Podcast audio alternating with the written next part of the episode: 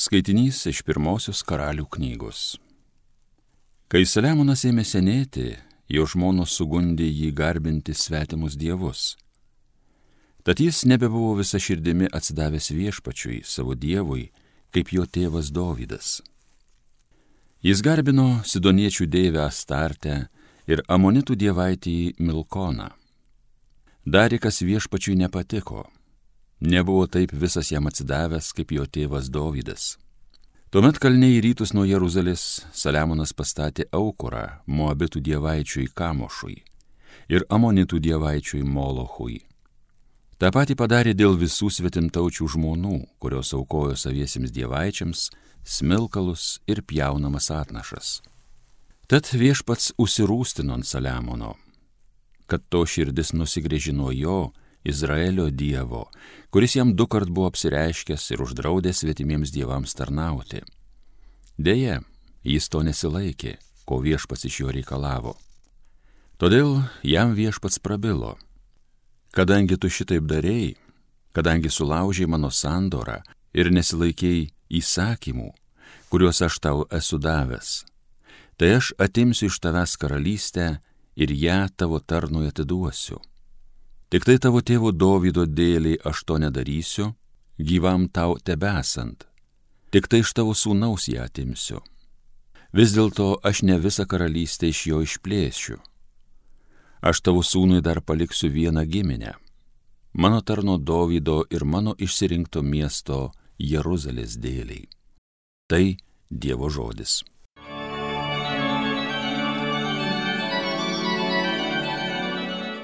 Viešpatie, mus atsiminkė, mylėdamas tautą.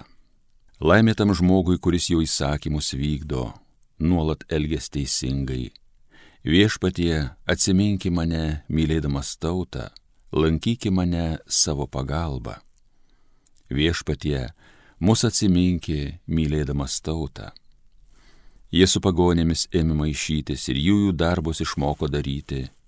Jie jų padirbtus stabus ėmė garbint, kilpa tuo savo užsinėrė.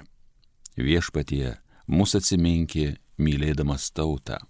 Ėmė savo sūnus aukoti ir savo dukras nelabajam. Viešpaties rūstis įsiliepsnojo prieš savo tautą, bjaurūs tapo jam savi žmonės. Viešpatie, mus atsiminkė, mylėdamas tautą. Alleluja.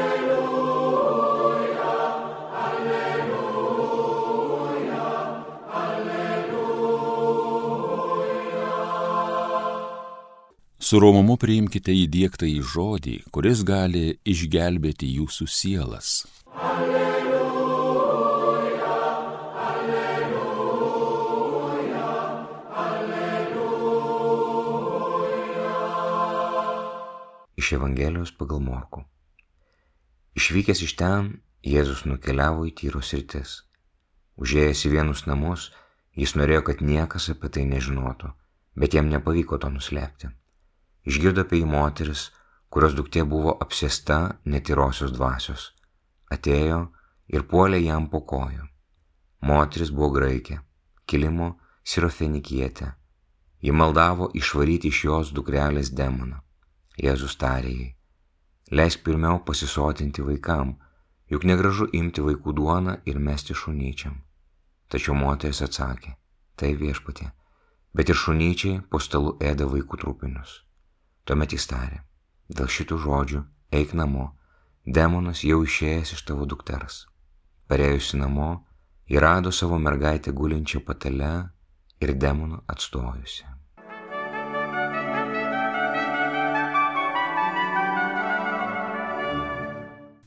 Šiandien mes girdėjome stebuklingą išgydymą moters dukrelės, moters, kuri nebuvo iš Dievo tautos, neturėjo tradicijos, nebuvo, vadinasi, tikinti, praktikuojanti, na, mūsų terminais, jeigu kalbėtume, nebuvo bažnytinis žmogus, bet tai buvo mylinti motina.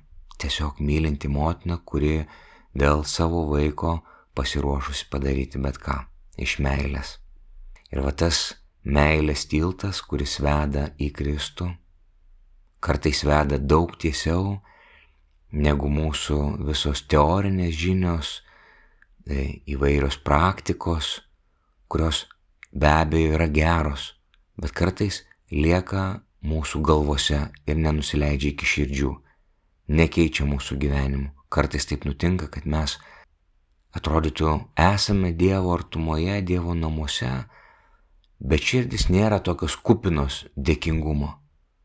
Kaip to Evangelijoje, kur Simonas fariziejus pasikviečia Jėzų į namus ir, ir ateina moteris nusidėlė ir plauna savo ašarom kojas.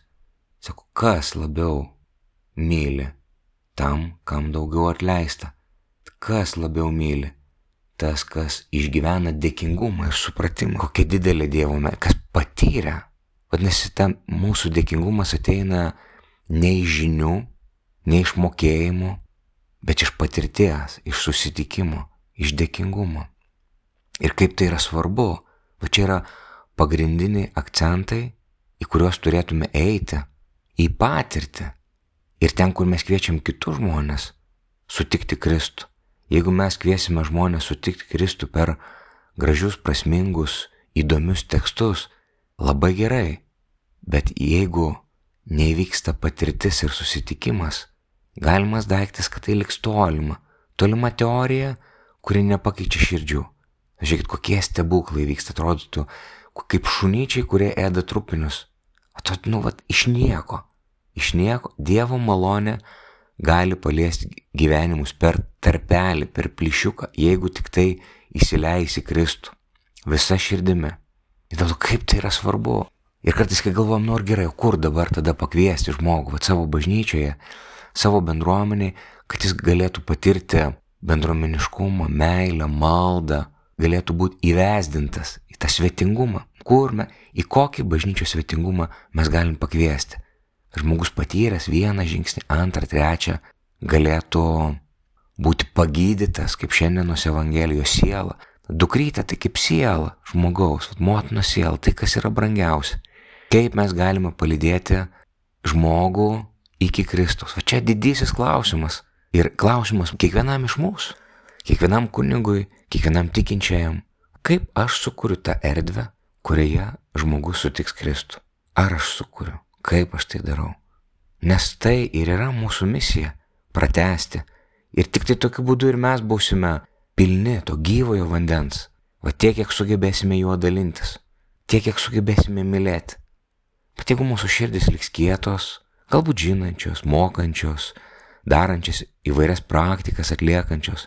Ir galbūt mes nuraminsime savo sąžinę, kad va aš esu tikintis, praktikuojantis, darantis daugybės dalykų, Bet jeigu mūsų širdis nedegs, va taip kaip Jėzaus širdis, va meilė, rūpeščių, jeigu mes nebūsime gydanti bažnyčia, realiai keičianti gyvenimus, išvaranti demonus, uždeganti širdis, pripildanti dėkingumu, tai mes būsime tiesiog pastatai, tai, būsime tik akmenis, būsime tik institucija. O kaip mes galim tai pakeisti? Aišku, kad iš savęs to negalim padaryti, va tiek, kiek būsime patys pilni šventosios dvasios. Dėl to tai yra taip svarbu melstis nuoširdžiai, prašyti, kad Dievas tai darytų mūsų širdise, mūsų gyvenimuose ir mūsų aplinkoje. Kiekvieną dieną prašyti atsivertimo, kad šventoji dvasia perkeistų mūsų širdis, kad mes taptume tos gyvosios šventovės, gyvėjai tabernakuliai, malonės vieta, kad Dievas veiktų per mus, kad mes taptume tą susitikimo vietą, malonės vietą, kad mes kelbtume Evangeliją ir nebijotume pakviesti savo draugus, O kartais galbūt tiesiog net ir žmonės, kuriuos nelabai pažįstam, į tą susitikimą. Galbūt pakviesti į alfa kursą, ati tą kelionę. 12 žingsnių kartu su Kristumi, kurie, kurie gali pakeisti gyvenimą. Pagalvokime, kur norėčiau, kur galėčiau pakviesti, į kokią patirtį galėčiau pakviesti tą žmogų, sutiktą žmogų, kad galėtų įvykti virsmas, kad galėtų išgyti jo sielą. Ir jeigu tokių vietų nežinau, kur galėčiau pakviesti, melskime nu, iš viso širdies, kad, kad atrastume tokias vietas. Nes jeigu tokių vietų nežinom, tai koks tada didelis mūsų skurdas, kaip toli esame nuo, nuo Kristaus, kuris gydo, kuris perkeičia širdis.